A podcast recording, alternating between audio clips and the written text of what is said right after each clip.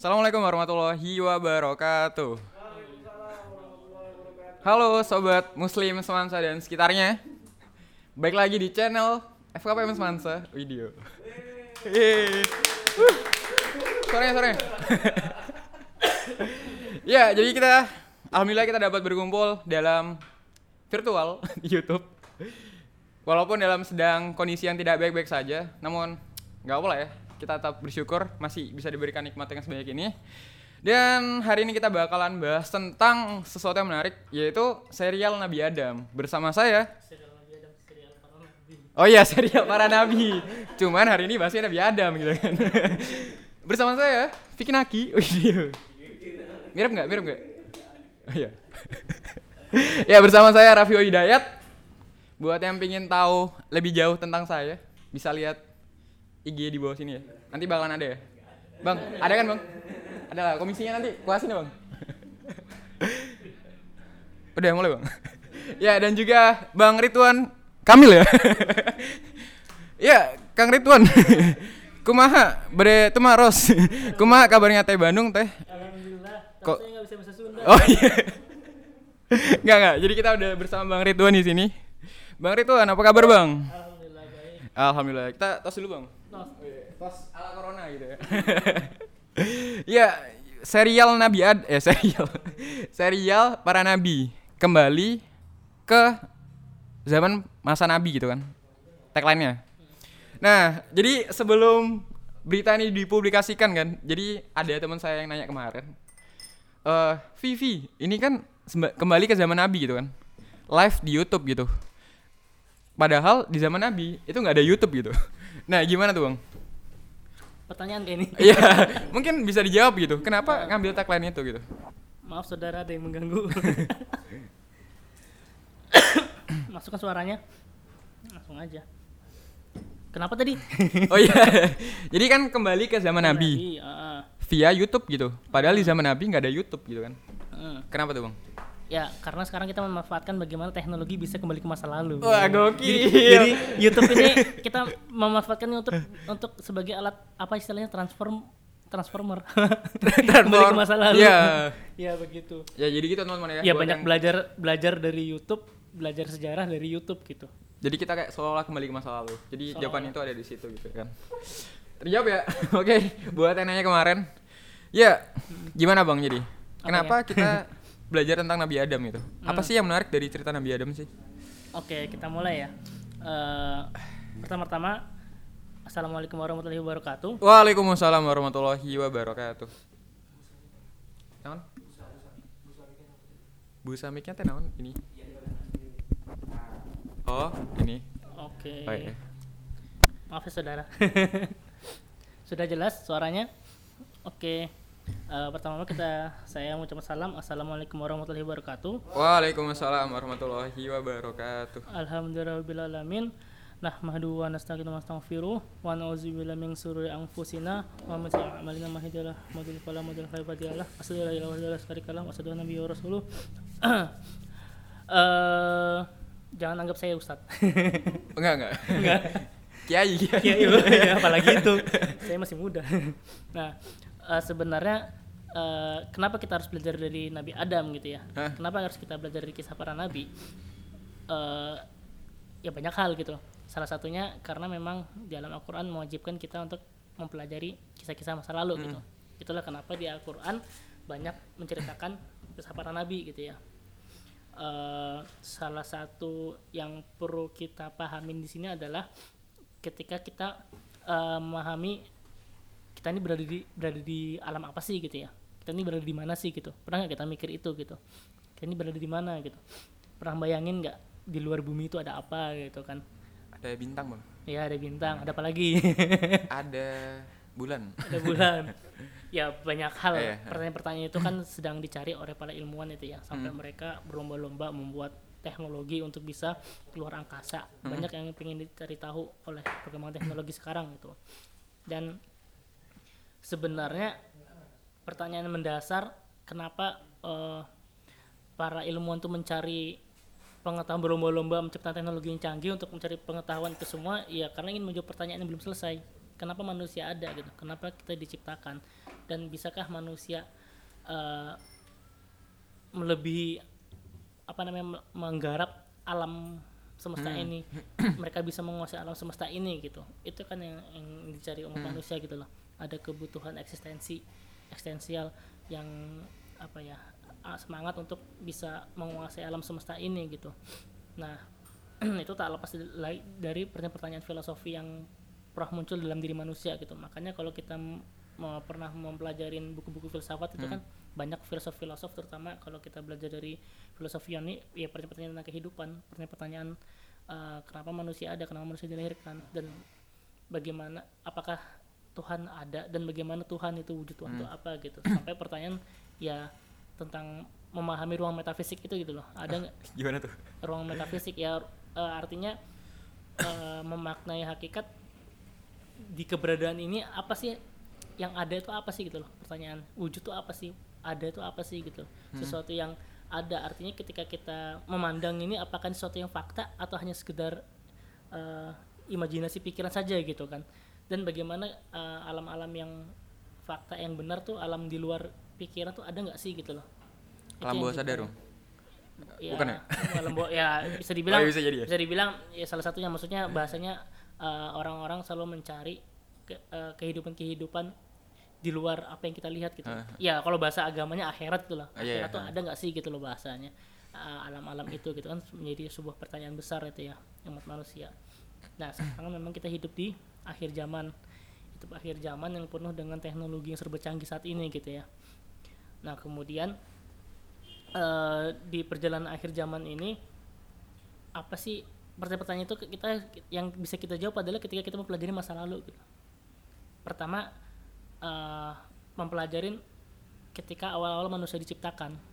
Nah kan tak semua manusia memahamin eh, apa ya menyadarin bagaimana apa namanya awal awal manusia itu Hmm, gimana sih awal kehidupan manusia gitu kan kan banyak teorinya tuh ya hmm. pernah dengar teori Darwin Sangat, sangat pernah. pernah, dengar Iya. katanya apa Manusia dari monyet, cuman aku sih enggak ya. oh enggak Kalau ada yang lain mau ngaku ya silakan aja gitu kan. sambil minum ya Iya, mangga bang. Asalkan kopinya disambi. Oke. Ini kopi seduhan roastingan kami. Promosi dulu ya.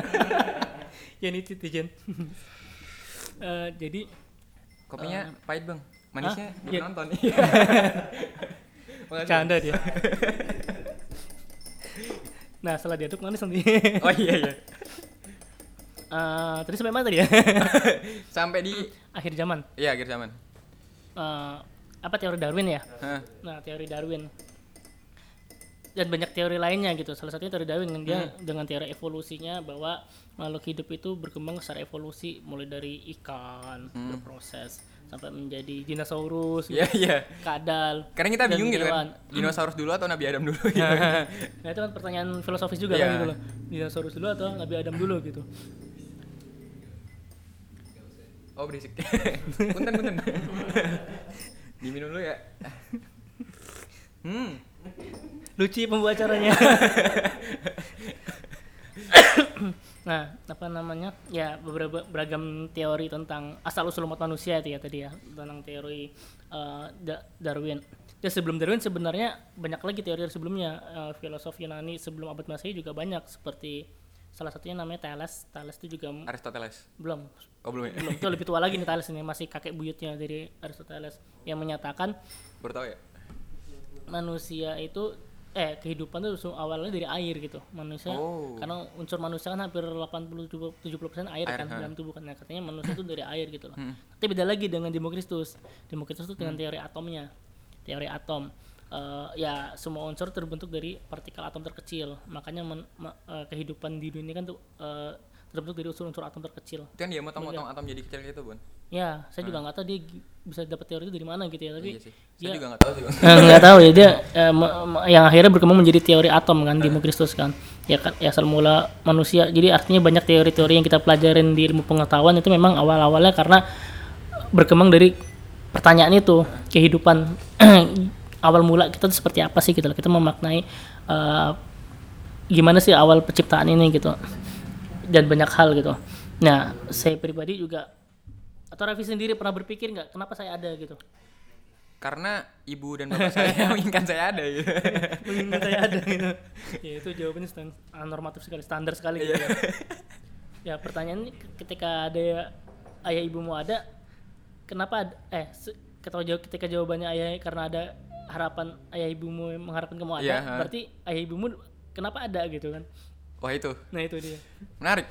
menarik Gimana tuh bang? Nah itu dia saya juga sedang belajar kenapa bisa ada gitu.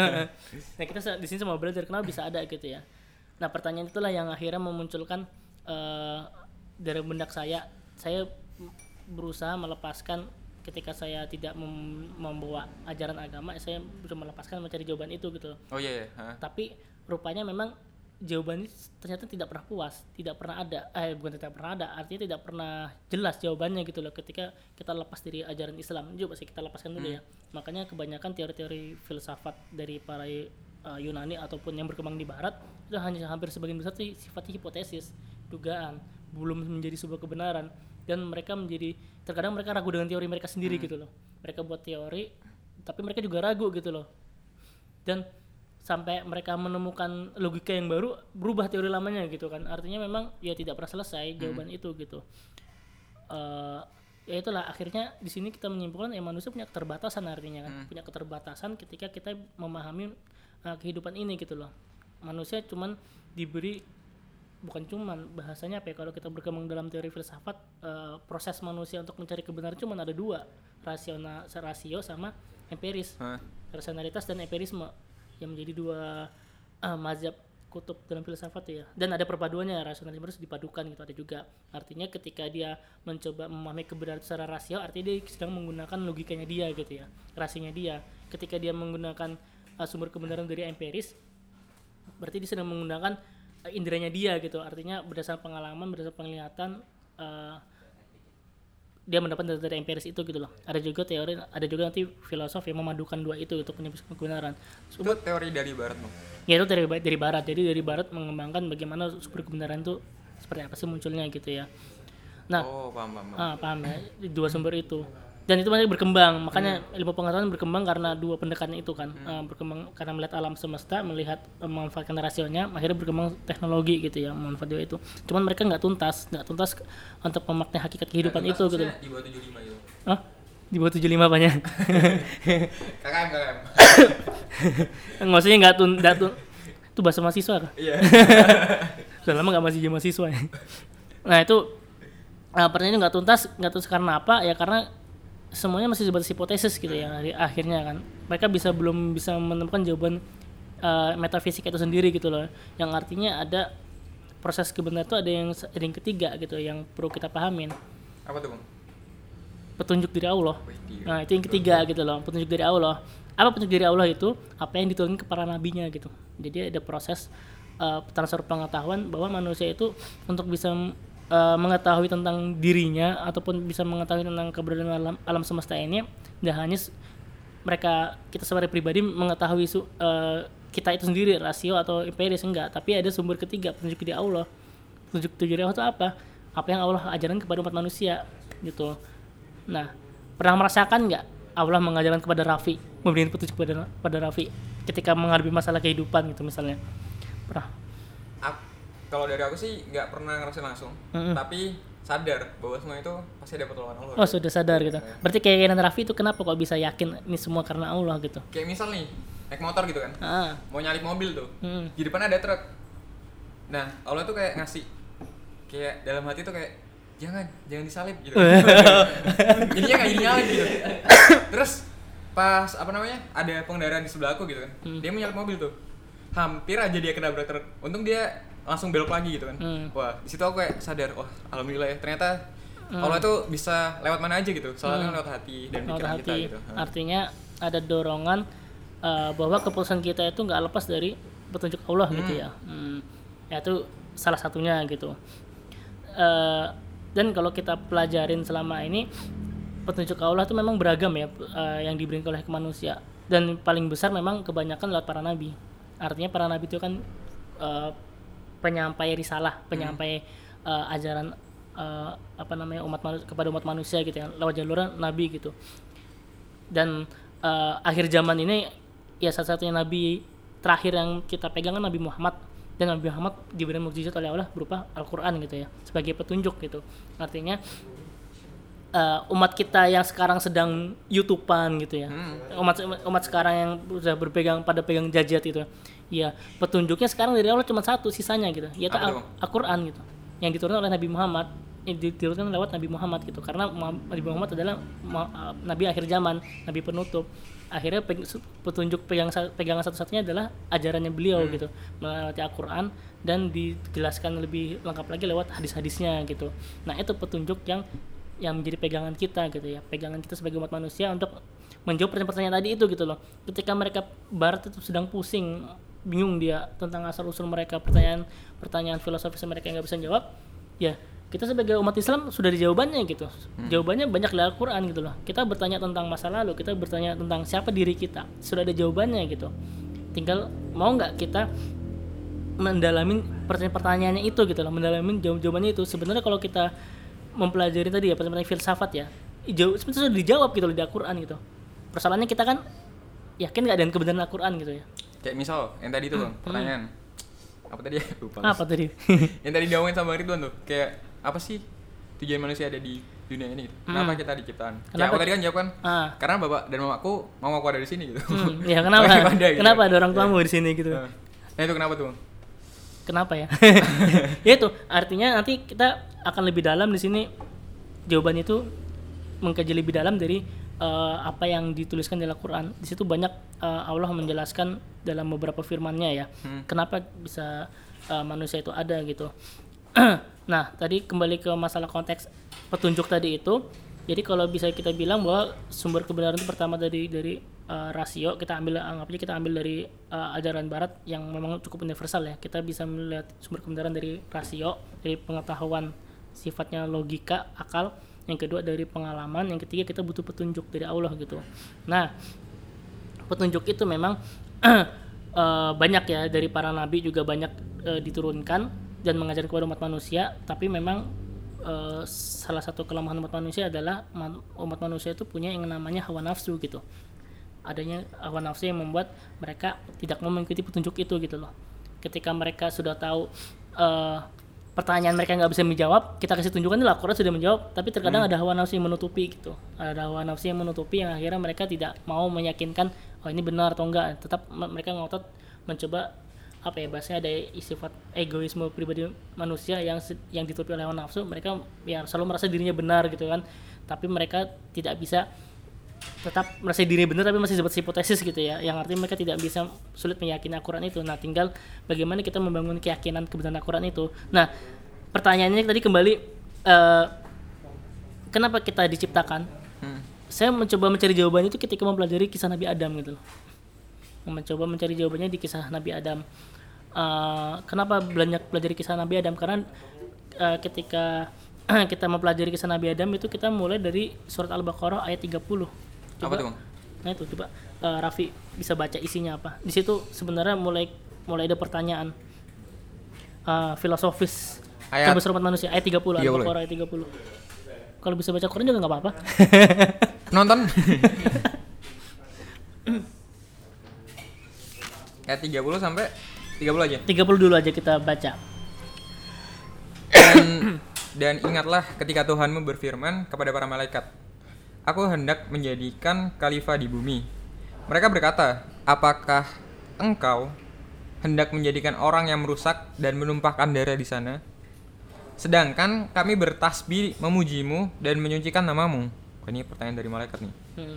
Dia berfirman, Sungguh aku mengetahui apa yang tidak kamu ketahui. Dia. Hmm. Keren, Suratnya mantap kan. Hmm. Nah, dari Dalam sini banget. dalam banget. Dan ingatlah ketika Tuhanmu berfirman kepada para malaikat, Aku hendak menjadikan khalifah di muka bumi. Nah, ketika Allah melaporkan itu kepada malaikat ya, aku ingin menciptakan manusia apa? Hendak menjadikan khalifah di muka bumi. Hmm. Terus itu malaikat bertanya, ini artinya pertanyaan malaikat ini bukan kritik ya atau mungkin tapi kayak malaikat ini makhluk yang eh, biasanya makhluk yang sangat taat kepada Allah Iya, gitu sampai heran bertanya gitu, kenapa sih kok harus menciptakan makhluk yang bakal Merusak, merusak bumi di gitu muka kan. bumi gitu kan? Artinya di sini terjadi namanya dialog gitu loh. Kenapa gitu? karena malaikat malaikat tahu maksudnya Allah ingin menciptakan khalifah di muka bumi karena apa karena bedanya manusia dan malaikat adalah malaikat hanya hanya diberikan eh, kekuatan untuk selalu taat kepada Allah Iya, selalu tidak diberikan nafsu gitu beda dengan manusia diberikan oleh eh, nafsu gitu kan oleh oleh malaikat. Eh oleh oleh Allah gitu. Tapi di sini Allah menjawab aku mengetahui apa yang tidak kamu ketahui gitu loh. Jadi kayak bahasanya langsung dialog itu kayak ditutup. Iya. dan di situ eh, ketaatan malaikat ditunjukkan dengan jawaban seperti itu Iya. malaikat sudah sa- udah ngerti maksud Allah gitu kan artinya. Beda kalau manusia ya digituin langsung nggak puas gitu. Kalau malaikat tanpa sayap, Bang. apa? Malaikat tanpa sayap. Siapa bidadari Cuaks. oh, malaikat tanpa sayap tuh saya tahu saya bidadari beda ini. nah kalau kita pelajarin dari tafsirnya Ibnu Katsir jadi memang kalau kita mau belajar eh, kisah para nabi kita bisa belajar dari eh, kelihatan kan ini muncul Kelihatan, Bang. Al Bidayah wal Inayah eh, Ibnu Katsir. Nah, ini kitab eh, dari Ibnu Katsir selain tafsirnya Ibnu Katsir ya. Jadi Ibnu Katsir itu eh, banyak, banyak kitabnya. Salah satunya dia menulis tafsir, yang kedua dia membuat kitab Al Bidayah wal Inayah ini yang di- dan ini masih jilid satu. Sampai jilid kesekian sampai jilid satu sampai jilid dua tuh dia bicara tentang kisah para nabi gitu ya. Kisah para nabi yang sumber-sumbernya dari Al-Quran dan hadis gitu. Dia kumpulkan semua. Bahkan dari sumber-sumber Yahudi apa Taurat dan Injil pun dia masukkan walaupun dalam beberapa kitabnya sama ulama sekarang sumber-sumber eh, Yahudi Taurat dan Injil itu dihilangkan ya. Hanya ngambil dari sumber-sumber hadis saja Iya. gitu. Nah dua kitab Al Bidayah wa Inayah ini dua kitab ini di apa ini diru, di, diringkas lagi menjadi satu kitab kisah para nabi. Al kisah al anbiya al kisah al anbiya ini kayak semacam rangkuman dari dua jilid buku ini. Nah begitulah bahasa ceritanya gitu. Nah di sini kita banyak belajar eh, sebenarnya bukan hanya berdasarkan kisah para nabi perjalanan aja tapi kita bisa memaknai kenapa sih harus terjadi cerita seperti itu gitu kita memahami cerita tentang pemaknaan kisahnya dari kejadian-kejadian yang dialami gitu Ini ya lengkap, Bang. Dari lengkap 25 nabi. malah nggak 25 nabi bisa lebih di sini Gokil. Nah, ada beberapa nabi yang di luar 25 nabi juga diceritakan sedikit gitu ya, nggak semuanya gitu. Tapi eh, Ibnu Katsir ngambil nabi-nabi yang diceritakan dari hadis. Jadi dari hadis itu sebenarnya lebih dari 25 nabi sebenarnya. Banyak gitu. Nah, memang eh, ketika bicara kisah Nabi Adam gak lepas dari kita mulai dari pertanyaan ayat tadi kenapa Allah hendak menjadikan eh, khilafah di muka bumi gitu ya. Eh, itu kan dari pertanyaan kenapa eh, awal mula kita diciptakan gitu.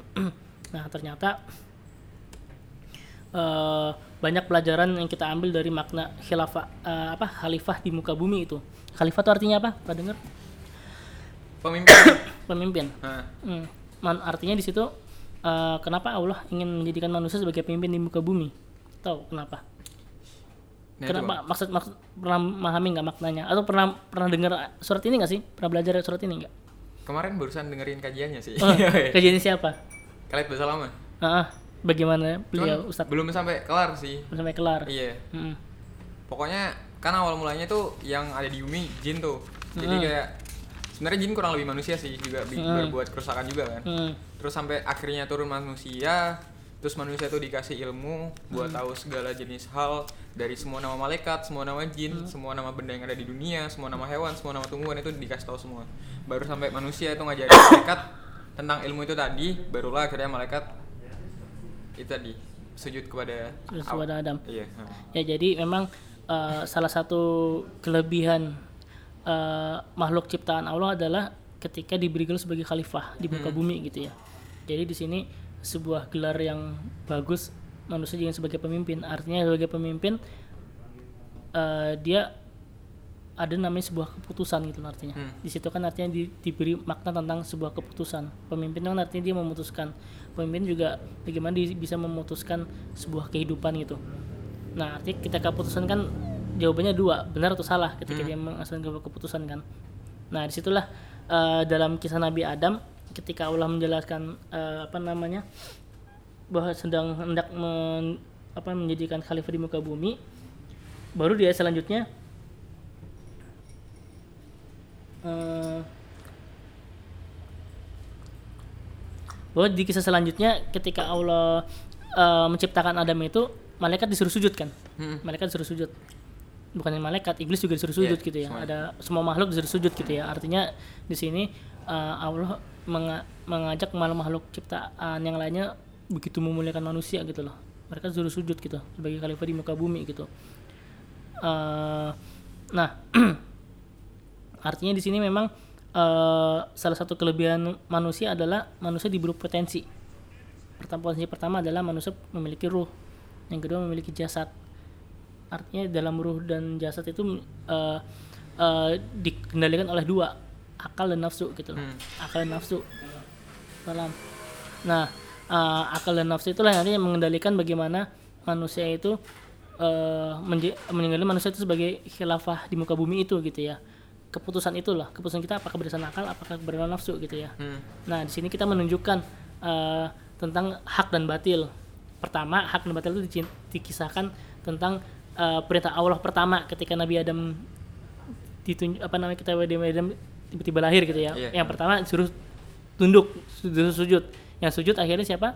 Malaikat. Yang tidak sujud iblis. Iblis. Nah, akhirnya di sini eh, ada dua apa ya bahasanya itu ke dalam kalau kita membaca kisah ini kayak ya ini lah makna pertama maksud Allah itu adalah ya akhirnya manusia ini di- sedang ditunjukkan kepada suatu dua dua jalan hak dan batil Oh, jalan I see, kebenaran I see. dan jalan keburukan. Iya. di sini ada jalannya malaikat di sini ada jalannya iblis gitu ya. Kit- dan manusia berada di tengah-tengah. Tengah. nah manusia harus mengendalikan dia ini. Dia mana yang mau dikendalikan? Ah. dia mau tunduk atau mau ini? Artinya kalau ini mm, saya maknai dalam dalam makna eh, apa namanya eh, masalah di ayat ini ya khalifah eh, Allah menga- lebih mengetahui daripada eh, segala Semua sesuatu. ah itu kan makna ketika pada di, di sudut gitu. Hmm. nah kita pelajarin lagi kenapa malaikat begitu taat kepada Allah gitu ya kenapa iblis tidak nanti kan penjelasannya panjang ya iblis kan dia tidak mau tunjuk tundukkan karena memang dia eh, ada hasrat kesombongan yang ada dalam dirinya yang Hmm. merasa lebih eh merasa lebih diciptakan, dari api duluan gitu. diciptakan dan dari api gitu ya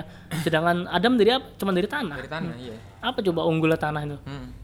apa tanah itu kena air jadi lumpur kotor Iya. gitu loh sedangkan api nah bisa nggak memaknai ini Rafiq padahal Bisa, bisa, kan api itu luar biasa kan itu loh Ya, api itu sumber energi api itu bisa menghasilkan tenaga listrik nah Ya. makanya. sama api kayak itu di Avatar gitu bang ya itu di Avatar negara, Pengendali negara api kan bisa sama api. Ah, Hmm. tanah kalah ya di Avatar ya Heeh.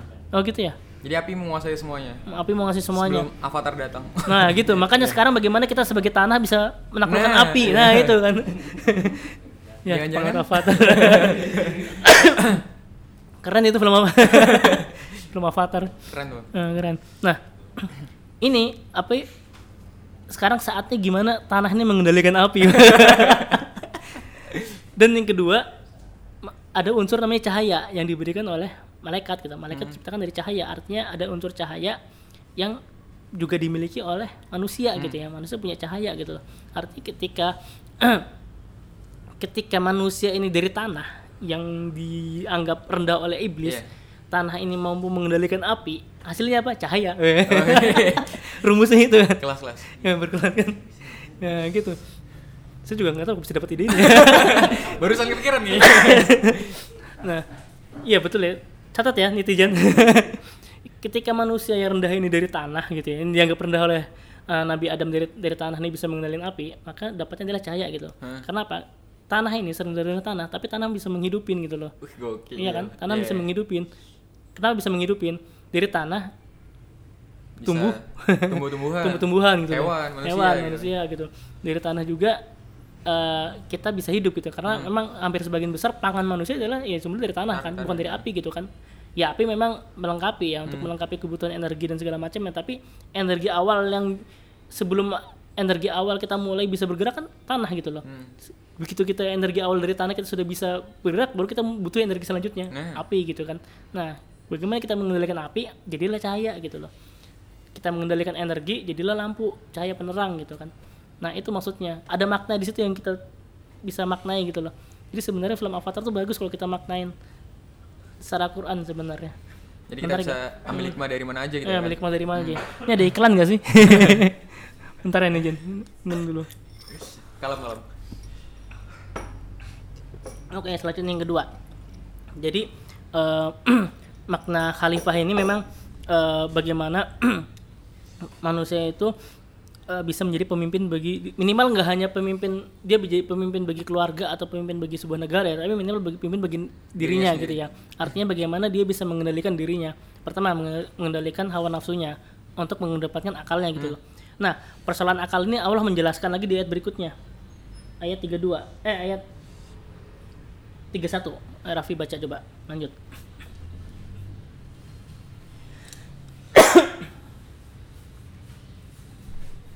Dan dia diajarkan kepada Adam nama-nama benda semuanya. Kemudian dia perlihatkan kepada mala- para malai- para malaikat Soalnya berfirman seraya berfirman, "Sebutkan kepadaku nama sebuah benda ini jika kamu yang benar." Ini malaikat nanya ke Nabi Adam, Bang. ya? Hmm. Baru lanjut tiga, eh, tiga dua. Mereka menjawab, Maha suci engkau, tidak ada yang kami ketahui selain apa yang telah engkau ajarkan kepada kami. Sungguh, engkaulah yang maha mengetahui, maha bijaksana. Lanjut lagi di ketiga. Hmm. Dia Allah berfirman, Wahai Adam, beritahukanlah kepada mereka nama-nama itu. Setelah dia, Adam menyebutkan nama-namanya, jadi Adam menyebutkan semua nama-namanya. Hmm. Dia berfirman, Bukankah telah aku katakan kepadamu bahwa aku mengetahui rahasia langit dan bumi, dan aku mengetahui apa yang kamu nyatakan dan apa yang kamu sembunyikan. Hmm. Nah, nah di sini artinya eh, Allah sedang memasukkan unsur akal kepada Nabi Adam. Hah. Artinya di sini eh, ketika Nabi Adam diciptakan, jadi Nabi Adam tuh ketika diciptakan dari bayi gitu, langsung jadi manusia gitu. Ya. Begitu dia hidup kan, eh, kita bayangin aja kayak di film-film ketika manusia tiba-tiba ada gitu, Hah. pasti dia linglung kan bingung. Apa nih? Apa ini?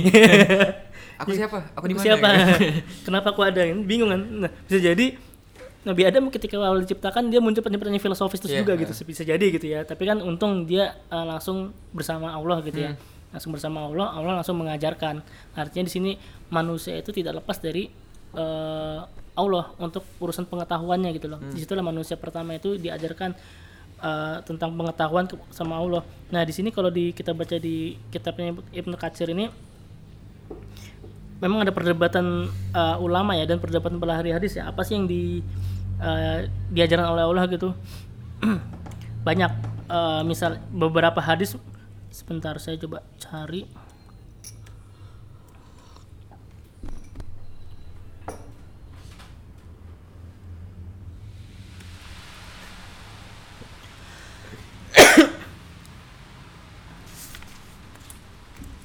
Operatornya udah minum? Alhamdulillah. Penonton penonton. makanya kalau mau minum ke sini dong nontonnya.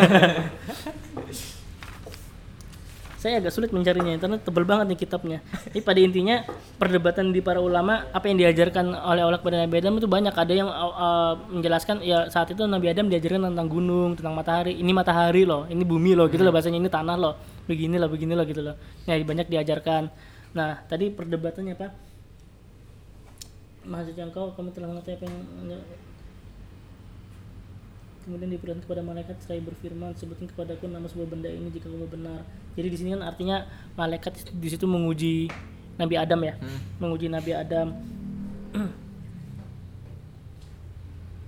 Nah di sini ayat 33 eh, menarik juga ini. Wahai Adam eh, beritahukanlah kepada mereka nama-nama itu. Jadi Nabi Adam menjelaskan eh, apa yang diajarkan oleh Allah kepada malaikat gitu loh.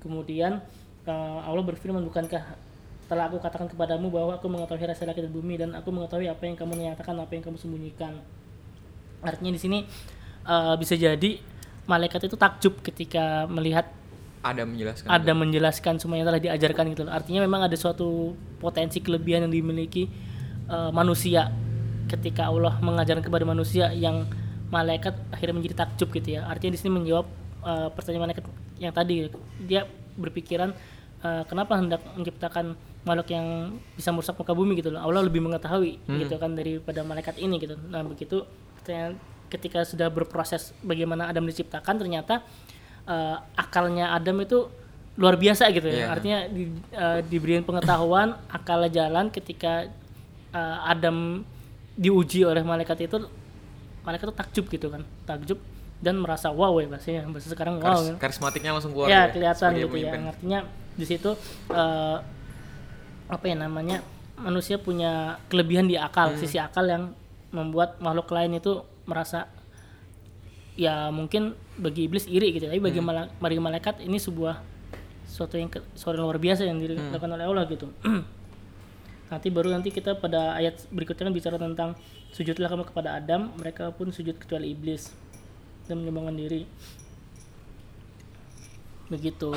Tadi pertama kita bicara soal akal, makanya diberi kelebihan oleh akal yang membuat mereka wow gitu ya ketika dia oleh Allah. Yang kedua, jadi kita diberikan yang namanya hawa nafsu, Hawa gitu nafsu, loh. hmm. Hawa nafsu nanti kita bicara tentang kisah berikutnya ketika diciptakannya Hawa. Iya.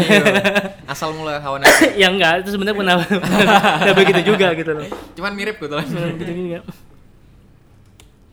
Eh, setelah Adam diciptakan mulai pembentukan jasad kemudian diciptakannya ruh Nggak kebayang gitu kan, datang ke muka bumi gitu kan. Terus jadi bingung kayak bingung mau ngapain gitu. jadi eh, sebenarnya pengetahuan saja tidak cukup gitu ya akal saja tidak cukup Hmm. ada nafsu yang membentuk manusia artinya bagaimana eh, manusia itu bisa mengendalikan hak dan batil ataupun akal dan nafsu itu gitu loh yang eh, membentuk jiwanya dia gitu ya di satu sisi akal dan nafsu ini bergemuruh dia membutuhkan yang namanya eh, rasa tentram rasa pingin disayangin lah gitulah.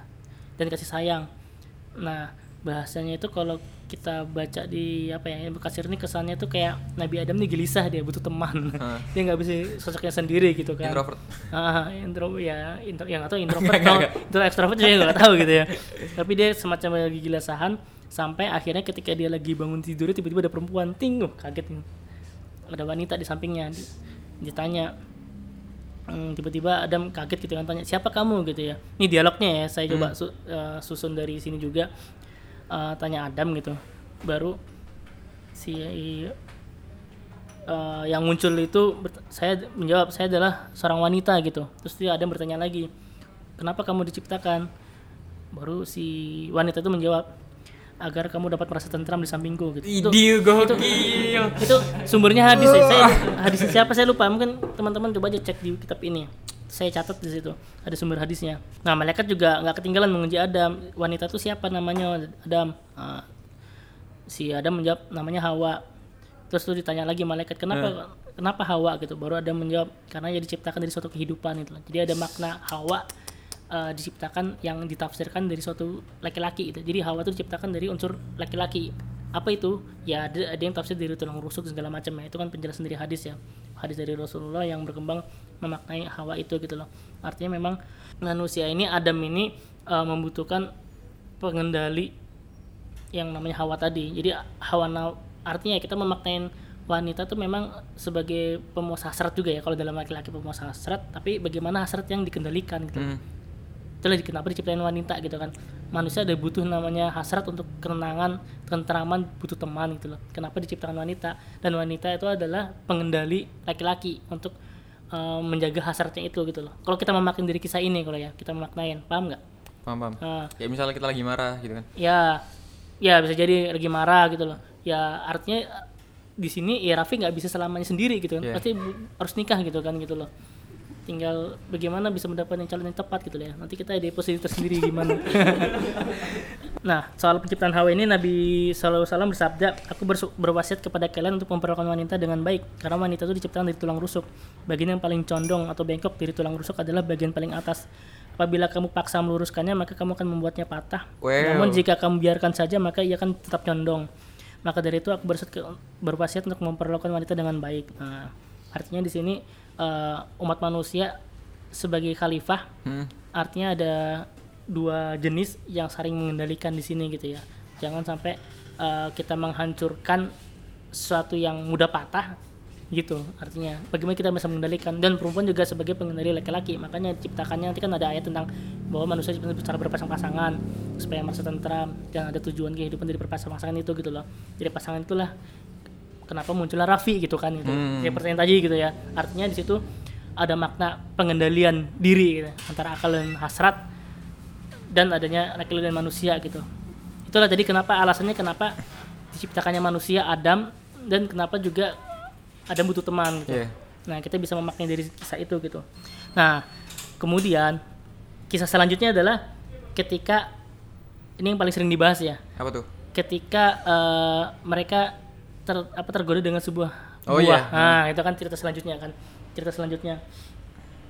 Kalau di ayat 36 coba langsung saya baca aja. Lalu setan memperdayakan keduanya dari surga sehingga keduanya dikeluarkan dari segala kenikmatan. Dan kami berfirman turunlah kamu sebagai kamu menjadi, musuh yang lain. Nah, jadi memang cerita selanjutnya kan eh, ada pohon nih, pohon huldi namanya gitu kan, pohon dan itu memang tafsirnya banyak pohon huldi itu apa sih? Tapi bagi sebagian besar sepakat ya ini pohon yang ketika memakannya menjadi abadi, bahasanya gitu lah pohon yang abadi gitu. Nah, eh, artinya di sini eh, ketika Adam dan Hawa sedang di surga sedang bersenang-senang gitu ya punya teman ada godaan ini ada godaan untuk memakan buah itu karena apa karena kalau diceritakan Hawa yang pingin gitu ya Hawa Hawa ini kayak mempengaruhi Adam. Adam gitu bagaimana mau makan buah itu gitu Eh, banyak memang ayat-ayatnya menjelaskan ini ada memang eh, karena iblis budaya. iblis menipu budaya ada setan yang menipu budaya dari mereka. Ya banyak kita bisa menjelaskan tafsir tapi pada intinya adalah ya manusia antara akal dan nafsu itu saling bertempur saling berkaitan. Dan eh, ketika dua pasang manusia ini sedang menjalankan kehidupannya pasti ada ada rasa-rasa pingin eh, pingin mengalahkan akalnya dan Iya. mendapatkan Hawa nafsu. nafsunya gitu kan nah di situlah eh, ada ujiannya Adam ketika eh, Adam dikendalikan oleh Hawa Hawa yang sedang mengi- sedang terjerat apa sih bahasanya kayak ada keinginan nafsu ya sebenarnya nggak bukan bukan arti ini salahnya Hawa ya tapi Hmm. Iya, memang ini ujian dari Allah karena diberikan oleh namanya hawa nafsu gitu ya Dan, keduanya dan ada kontribusi iblis juga gitu kan. ya ada kontribusi iblis yang eh, membisikkan Nah, eh, apa namanya bukan membisikkan ya artinya dia kayak menggoda-goda lah Hmm. supaya dia mau tidak mentaati perintah Allah gitu loh. Karena Allah sudah melarang sebelumnya jangan memakan buah itu gitu loh. Tapi rupanya tergoda gitu kan tergoda dan akhirnya ya takdir Allah ketika beliau melanggar perintah Allah yang akhirnya ya udah sama Allah diturunin ke muka bumi gitu ya. Tapi di situ juga kita tidak bisa bisa menyalahkan Adam sepenuhnya itu sebagai dosa Adam gitu ya. Karena itu sesuatu yang digariskan. Itu nanti di di kitab ini juga ada cerita kisah gimana Musa itu pernah mendebat Adam Nabi Musa Gokil. sebuah malam mendebat Adam gara-gara kamu kami semua akhirnya di muka Iya, bumi iya, gitu. iya. didebat itu sama Nabi Musa, Musa. gitu tapi ya Adam membalas kenapa kamu memperdebat sesuatu yang sudah digariskan oleh Allah gitu ya nah itu kan ada itu, itu Karena- sumber dari hadis gitu biarpun nggak makan buah kuli juga Nabi Adam toh juga bakalan diturunin ke muka bumi nggak sih? Nah, walau alam ya itu, eh. walaupun gak makan atau enggak tuh ya, tapi memang eh, terkadang kalau kita bicara tentang ruang dan waktu, kita bicara tentang takdir itu sesuatu yang agak sulit kita bisa pahamin ya, Iya, iya. karena kita ketika bicara tentang akhirat kita tidak bicara tentang ruang dan waktu gitu ya. Bicara akhirat itu kita tidak ada namanya awal dan akhir gitu. Yang ada awal itu kita kayak berada di dunia gitu kan. Nah, kenapa? Kayak terpukau sekali. Sangat ini ya Nah, kan cukup berat. ya cukup berat jadi memang waktu eh, saya nggak tahu itu cerita mungkin waktu sebelum apa memang ada kejadian memang ada kejadian yang Musa itu eh, entah mungkin sebelum di dunia atau setelah di akhirat Iya, atau itu ya Musa pengen cari Nabi Adam ketemu Nabi Adam dia mendebat gitu ya Dia bahasanya mendebat, ya. gitu ada kejadian. Itu memang sumbernya hadis ya Eh, sumbernya hadis dan kita meyakinin hadis itu insya Allah hadisnya sahih ah, entah hasan atau sahih tapi dia memang dari Rasulullah sumbernya kan. Ya, yang terjadi kejadian seperti itu ya kita meyakini memang di sini sebuah petunjuk eh, bahwa memang tidak sepenuhnya bukan tidak sepenuhnya artinya memang ini kesalahannya Adam tapi mas kesalahan sudah ditakdirkan. Artinya ketika manusia tidak bisa mengendalikan akalnya dia sedang mengedepankan hawa nafsunya itu sebenarnya bagian dari takdir Allah juga gitu loh. Paham, paham, ya paham ya? Bagian dari takdir Allah juga gitu dia berbuat dosa bagian dari takdir Allah juga gitu loh. Tapi di satu sisi di situ eh, ditunjukkan pada ayat ini di ayat 37 ya di Al-Baqarah ayat 37 kemudian ada menerima beberapa kalimat dari Tuhannya lalu dia pun menerima tobatnya sesungguhnya Allah maha menerima tobat dan maha penyayang. Jadi sini kan artinya Adam bertobat ketika melakukan kesalahan itu loh. Artinya di sini ketika manusia eh, mengedepankan hawa nafsunya mengalahkan akalnya tapi ada kesempatan namanya taubat gitu loh. Nah di situ kan artinya ada ada kelebih apa kelebihan yang dibuat eh, yang di diberikan oleh Allah bahwa manusia bisa bertobat gitu atas kesalahannya. Dari tobatnya itu ya diampunin kesalahannya gitu ya. Tapi tetap di situ memang perjalanan manusia Adam harus lari ke muka bumi gitu. Nah jadi sama Adam sama Hawa ketika jalan ke muka bumi lagi-lagi di, di- diberikan ujian gitu ya. Makanya eh, ada surat sebentar. Itu yang dipisahkan itu jadi Adam diturun nah itu mana? eh, apa namanya masalah dipisahkan juga perdebatan juga ya tapi ada yang menarik di sini ketika diturunkan mana ya, ada yang saya tandain. Hmm. nah di sini ada surat at-toha ayat 117 Eh, coba saya bacakan ya. Ketika eh, Nabi Adam sama Hawa diturunkan ke muka bumi itu Allah menjelaskan dalam surat ayat 17 maka sekali-sekali jangan sampai dia mengeluarkan kamu berdua dari surga nanti kamu celaka gitu loh. Artinya paham ya? Jadi ketika eh, Nabi Adam sama Hawa itu di uh, turun ke muka bumi itu kayak semacam sebuah musibah bagi umat manusia iya ya Ya, ini ada pemaknaan yang besar banget ini. Karena apa? Di sini ada hadis diriwayatkan dari Ibnu Abbas tentang makanan pertama yang dimakan oleh Nabi Adam di bumi. Ketika itu malaikat Jibril membawakan tujuh butir biji gandum lalu Adam bertanya apa ini? Eh, sebelum hadis ini jadi memang kisahnya itu ketika Nabi Adam eh, apa namanya turun ke muka bumi, beliau kelaparan gitu. Kelaparan. Akhirnya makanya diberikan istilahnya ketika turun ke muka, bumi ini istilahnya diberikan istilahnya cilaka gitu ya iya ya dia kayak apa ya bahasanya diberi musibah gitu ke muka bumi. Nah, di situ Adam kelaparan dan bingung dia. Beda kalau di surga ya, ketika dia lapar kan Ada tinggal gitu. makan gitu, Hmm. tiba-tiba langsung ada sudah tersedia. Nah, ketika di muka, muka bumi gimana? Makanan tidak tersedia, dia harus apa gitu. Nah, di situlah eh, Allah memberikan petunjuk lewat malaikat gimana caranya supaya mereka bisa makan gitu ya. Makanya di sini ada hadis yang menjelaskan ini ada ini adalah biji dari pohon yang dahulu engkau dilarang untuk memakannya namun engkau tetap memakannya. Lalu, Oh. lalu Adam bertanya apa yang harus kau lakukan dengan biji-biji ini? Mereka Jibril menjawab tebarkannya di tanah. Lalu Adam pun menebarkan biji-biji tersebut. Dan di saat itu setiap biji yang ditebar tumbuh menjadi pohon yang sangat banyak lebih dari 100 ribu pohon. Kemudian pohon-pohon itu pun mengeluarkan buahnya hingga dapat dipetik oleh Adam. Lalu Adam mempelajarinya dan mendapatkan kesimpulan dari penanaman biji-bijian itu hingga dia dapat melanjutkan penanamannya. Kemudian Adam juga mempelajari bagaimana cara menggilingnya, cara mengadonnya, cara memanggangnya hingga menjadi roti. Setelah itu dia berulah dapat memakan roti tersebut. Dan itu merasakan usaha yang keras, keletihan dan kliennya. Semua itu pekerjaan itulah yang dimaksud kata celaka pada firman Allah. Jadi ketika Nabi Adam kelaparan, jadi makan ini ada hubungannya dengan bahuli tadi. Uh, para ulama uh, dan ahli tafsir mengatakan bahuli itu adalah biji gandum gitu loh. Oh paham paham Nah, ada yang menjelaskan itu biji gandum, makanya biji gandum tadi itu yang buah eh, buah abadi itu dibawa oleh Jibril menjadi dalam bentuk biji disuruhnya kepada Nabi Adam untuk disebarkan, ditanam gitu. Nah, begitu ditanam nanti dia tumbuh. Nah, dari tumbuh diambil bijinya dan di diajarkan eh, bagaimana mengadonnya, diajarkan bagaimana eh, mengelolanya menjadi makanan gitu ya, yang dia makan. Artinya di situ dia baru bisa merasakan yang namanya kenyang gitu ya. Yang jadi di sini kayak ada sebuah pemaknaan besar ya ketika dia diturunkan di muka bumi itulah tempat dia bagaimana eh, menjadi manusia yang berusaha gitu loh. Akhirnya di situ dikasih pelajaran sama Allah ketika yang awalnya apa ya menjadi mengendalikan akal dan nafsu itu adalah ketika dia diberi ujian, ujian kehidupan gitu loh, diturunkan ke muka bumi untuk mengalami namanya ujian kehidupan. Ya ujian pertama Nabi Adam apa kelaparan gitu loh, bagaimana dia bisa bertahan hidup gitu kan. Tapi tidak lepas dari bantuannya malaikat atau bantuannya lewat eh lewat pelantara malaikat bantuan dari Allah. Diajarkannya bagaimana bercocok tanam gitu ya. Diajarkannya dan akhirnya eh, ya bisa dibilang ya Nabi Adam adalah manusia pertama yang bercocok tanam gitu ya. Artinya nanti kan diajarkan turun turun menurun ke anak anak cucunya gitu kan bagaimana bisa memakan, bagaimana bisa membuat roti gitu. Jadi makna celakanya itu adalah ya makna tentang ya ketika turun ke muka bumi ya dikasih musibah gitu. Itulah kenapa kenapa ketika, ketika bayi lahir kan nangis kan. iya kenapa tuh Bang? I- Ya itu sebuah pemaknaan juga pahamin Raffi. Kenapa bayi itu ke, ke muka bumi nangis? haus kan di dalam perut Ya, salah satunya sebabnya. itulah. Sesuatu yang di akhir sana su- semua sudah tersedia begitu di muka bumi kita harus merasakan yang namanya ujian gitu kan. Kita harus mencari penghidupan kita sendiri gitu ya. Kalau bayi kan memang masih diasupi sama orang tuanya, tapi Oke. ketika Nabi Adam nggak dari bayi, tiba-tiba manusia diturunkan dia bingung gitu loh. Di situ dia diajarkan gitu loh. Nah, Di tapi aku ini sih bang dapat sedikit benang merah dari yang bang Ridwan tadi omongin ya. Hmm. Kayak semua ilmu kayak misalkan tadi bercocok tanam menanam padi, itu emang bisa dibuktikan secara tadi yang rasio sama yang beres, tapi tetap ada yang ketiga tadi itu kan. ya Kayak petunjuk. pertolongan dari Allah kan. petunjuk Allah. Dari Allah. tidak hanya masalah makanan minuman, nanti masalah pakaian juga gitu loh. Jadi memang Hawa itu nanti diajarkan memintal benang. Diajarkan memintal benang. Jadi ada tanaman yang menjadi namanya ya pohon kapas lah. Kalau sekarang tanaman yang akhirnya dipintal menjadi benang eh, yang akhirnya menjadi pakaian bagi, bagi mereka. Sebelumnya mereka kita turun ke bumi kan dalam keadaan telanjang kan tidak berpakaian gitu loh. Iya. dan mereka pasti kedinginan gitu kan kedinginan gimana ya mereka harus usaha di situ gitu loh. Usaha gitu.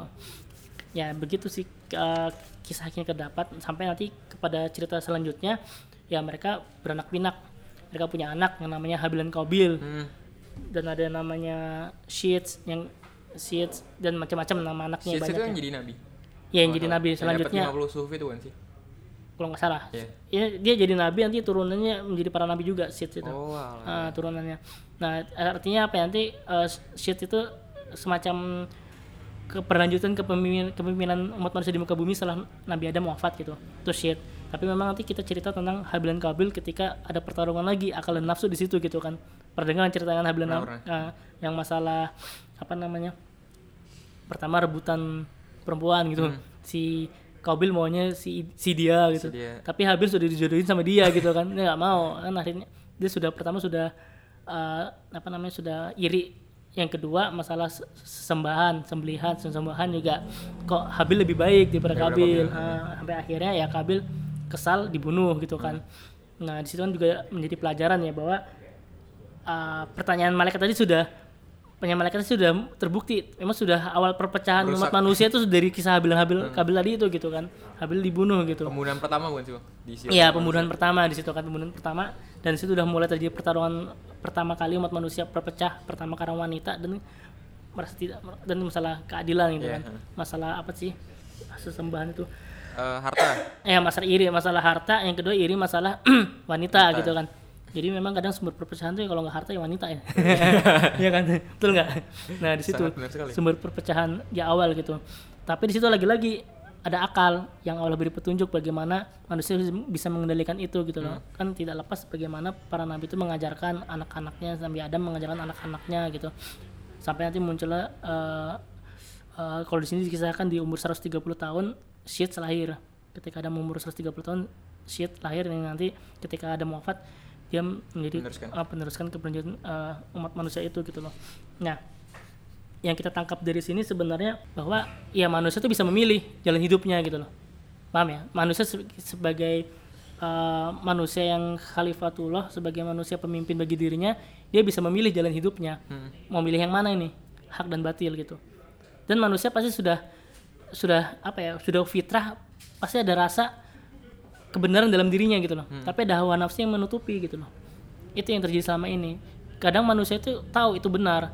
Iya, dan paham. sengaja membuat kesalahan. Setiap manusia melakukan kesalahan itu pasti ada rasa gelisah kan gitu loh. Tapi lagi-lagi ego dan jiwa pengen eksistensialisnya jiwa egonya yang lebih berkuasa nafsunya lebih berkuasa menutu- menutupi akalnya untuk untuk dia bisa mengendalikan akalnya itu gitu loh. Itu manusia kelemahannya manusia gitu loh kadang kita tahu kita salah, tapi masih dilakukan aja gitu ya. Mm-mm. dan dan kita kayak ngerasa nggak tenang gitu kan. Dan hampir semua manusia pasti punya fitrah seperti itu gitu loh. Dan makanya artinya gini kebenar dua kebenaran apa eh, tiga petunjuk kebenaran ini eh, rasio pengalaman dan petunjuk itu bisa bisa menjadi eh, apa namanya pengetahuan bagi kita gitu. Pengetahuan untuk bisa memahami hakikat penciptaan manusia ini gitu loh. Kita ini mau ke mana sih gitu kan? Tujuan hidup manusia itu apa sih? Hmm. Beribadah kepada Allah gitu ya. Tujuan akhir kita apa? Bisa masuk surganya Allah gitu. Artinya kita kita bisa berada tujuan yang kita capaikan pasti kita butuh yang namanya petunjuk ini kan kayak buku pedoman lah. Sama kalau misalnya kita beli kendaraan bermotor pasti ada, ada manual book kan. Manual book tujuannya apa? Untuk kita tahu bagaimana mengendalikannya gitu loh. Sama ketika umat manusia berada di dunia ini manual booknya apa? Al-Quran gitu.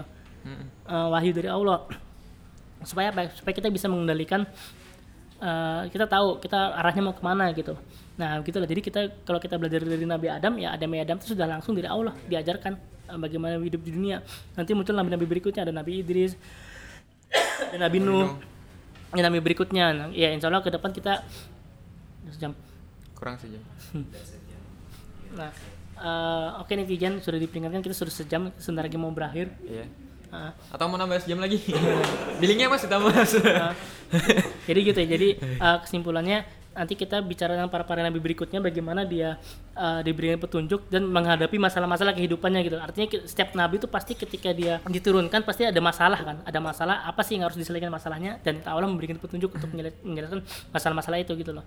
Nah di situlah kita mempelajari kisah nabi untuk bisa mengetahui uh, problematika apa yang terjadi dan bagaimana menyelesaikan masalahnya atas selalu petunjuk Allah gitu loh. Jadi memang kebenaran itu kita nggak lepas dari petunjuk dari Allah. Itulah yang kenapa kita harus mempelajari Al-Quran. Gitu. Paham. ya mungkin begitu uh, Ya. dari kisah Nabi Adam ini. Sebenarnya masih banyak yang kita bahas. Selanjutnya kita mungkin bisa bicara tentang Nabi Idris. Nabi yang pertama kali menulis pena. Artinya kita bicara tentang ilmu pengetahuan di zaman Nabi Idris oke mungkin kita bisa bahas di minggu depan gitu dari saya mungkin ada pertanyaan lagi netizen nggak apa-apa kalau mau tanya ya lewat WA Bisa lewat. kalau ada Kalau aku boleh mereview sedikit nih bang. Hmm. Kayak apa yang kutangkap tadi ya. Hmm. Apa sih yang bisa kita maknai dari cerita tadi itu? Hmm. Yang pertama itu ada ini lupa kan. Nah, ayo. apa namanya? Avatar ya, bukan bukan. Ini eh, manusia tuh kadang tahu mereka benar, tapi sering tertutupi oleh hawa nafsu itu tadi berarti. Hmm. Itulah mengapa kadang kita tahu kita benar tapi kita masih ngelakuin aja gitu yang salah. Yang pertama. Yang kedua soal wanita tadi ya. Yang diingat sebuah tukang rusuk gitu ya kan. Yang diingat itu Kebetulan ini sangat tertanam Tertanam. di otak gitu kan. Woy. Wah ini bermanfaat sekali. itu tadi apa bang? Maksudnya kan tukang rusuk nih. Hmm. Jangan dipaksa buat lurus. Nanti dia bakalan patah Oh. gitu kan. Woy. ya nanti Gimana tadi bang? baca bukunya Oh, iya. nanti dijadikan uh, caption Terus yang ketiga ini eh terkadang kita bisa membuktikan mungkin semuanya dengan logika dan segala macam yang kita punya. Tapi jatuhnya itu hanya sebatas hipotesa biasa gitu kan. Terkadang kita butuh petunjuk Allah buat membuktikan hal tersebut gitu kan. Hmm. Tuh. Terus yang keempat ini wanita lagi bang. Jadi wanita diciptakan untuk menjadi ketentraman hati. Gitu. itu, itu salah satunya aja salah satu lewat aja artinya Iya. bukan sesuatu yang pokok Iya. uh, salah satu yang lewat aja tadi itu dibahasnya tapi bukan sesuatu yang inti ya Sama ini bang, eh apa yang bisa apa sih tadi bang? Yang Kobil sama Habil, Hmm. yang kenapa mereka jadi musuhan? Mhm. Itu karena dua hal tadi itu. Yang pertama ada harta, yang kedua ada karena wanita. Hmm. artinya uh, konflik awal di manus konflik awal di muka bumi manusia itu penyebabnya itu Hmm. masalah iri dan masalah merasa tidak adil dan merasa iri gitu kan yang iri karena wanita dan har- Harta. masalah Sembilan, Ah, sembilan, sembilan tadi itu itu kan artinya menjadi konflik yang di mana karena umat manusia lebih mengendalikan nafsunya tidak bisa mengendalikan akalnya gitu lebih ke situ Dan core yang terakhir, yang paling penting itu di apa tujuan kita ada di sini kan? ya Apa artinya tujuan kita ada di Hmm. meracik kopi? Apa tujuan kita ngobrol bareng berdua gini gitu kan? hmm, semua asal mulanya kalau kita tarik garis lurus ke atas terus kenapa kenapa kenapanya itu ada di ujung penciptaan manusia itu tadi kan bang ya artinya Allah di sini eh, menjadikan eh, manusia sebagai khalifatullah adalah punya tujuan makna itu tadi itu ya makna supaya manusia bisa mengendalikan eh, manusia untuk dia sedang menciptakan manusia yang begitu sempurna untuk bisa mengendalikan kehidupannya di dunia gitu. Dia bisa merasakan ujian-ujiannya di dunia agar apa? Agar bisa menjadi manusia yang sempurna yang ketika bisa men- apa mendapat ridhonya Allah bisa mendapat surganya Allah gitu. Yang diberi dua pilihan hidupnya itu gitu ya. Dan ini bang yang keren yang paling menarik adalah eh, manusia ini biarpun takdirnya udah ditentukan sama Allah tapi manusia tetap bisa memilih gitu Ya, bisa Takdirnya mau memilih. gimana gitu Hmm. nah apa yang kita pilih itu yang sudah ditakdirkan sama Allah gitu maksudnya kita tetap bisa memilih gitu apa yang bisa kita pilih. milih artinya manusia itu punya pilihan hak manusia. untuk memilih jalan hidupnya Hmm. ya bagaimana tadi Nabi Adam ketika melakukan kesalahan dia bisa bertobat gitu. Hmm. ketika dia turun ke bumi dia tetap ada namanya usaha usaha untuk dia bisa hidup gitu ya artinya memang manusia dibekali untuk kekuatan untuk mampu untuk Hmm. em, pilihan-pilihan untuk dia berusaha berusaha untuk menahan dirinya lapar berusaha untuk mengendalikan nafsunya dan berusaha untuk eh, apa tetap bertakwa kepada Allah gitu. Usaha untuk ber- berada di jalan ketakwaan. Itu kan bagian dari sebuah usaha lagi kan. Makanya kenapa eh, tadi kisahnya Nabi Adam ketika turun ke bumi dia kayak semacam mendapat musibah gitu. Ya itu bagian dari ujian dari Allah untuk dia mau berusaha. Berusaha untuk bisa survive berusaha untuk dia mengendalikan nafsunya dan berusaha untuk bisa bertakwa kepada Allah gitu. Itu yang tujuan utama manusia ketika turun ke buka bumi. Makanya ketika bayi lahir kenapa dia nangis gitu kan? Ya karena itu dia adalah bagian dari beban sendiri. Mungkin jawaban dari ya ketika Nabi Adam turun kan kayak dia mendapat musibah celaka gitu di muka bumi. Jadi ini jangan di, di bumi selama kita itu jangan main-main lah bahasanya. Kita jangan bersenang-senang di sini bukan tempat senang-senang. Nanti di surga untuk senang-senang gitu kan. Di sini kita tempat untuk bersusah-susah gitu kan. Begitu. Udah tujuh nih bang. Ada yang mau tambah lagi gak kira-kira? apa? Dari tujuh makna tadi yang udah kita dapat. cukup itu dulu teman Biar penonton nggak ini ya. itu dulu saja nanti kita lanjutkan diri pada kepanjangan Oh kita iya, iya. kita Buat uh, kemba- lanjut ke pekan berikutnya aja untuk membahas yang lain buat teman-teman yang penasaran ya, gimana kelanjutan ceritanya dari serial para nabi ini bisa hadir coming soon. Kita tunggu aja waktu kosongnya kapan kita bisa hadir lagi. Buat hari ini kita ucapkan terima kasih banyak buat yang penonton setia nonton sampai sekarang. Dan jangan lupa ya like, comment, and subscribe. Apa namanya? FKPM Semansa channel YouTube-nya dan juga operatornya ya. Operatornya di belakang kamera. Jiksi Gimang ya.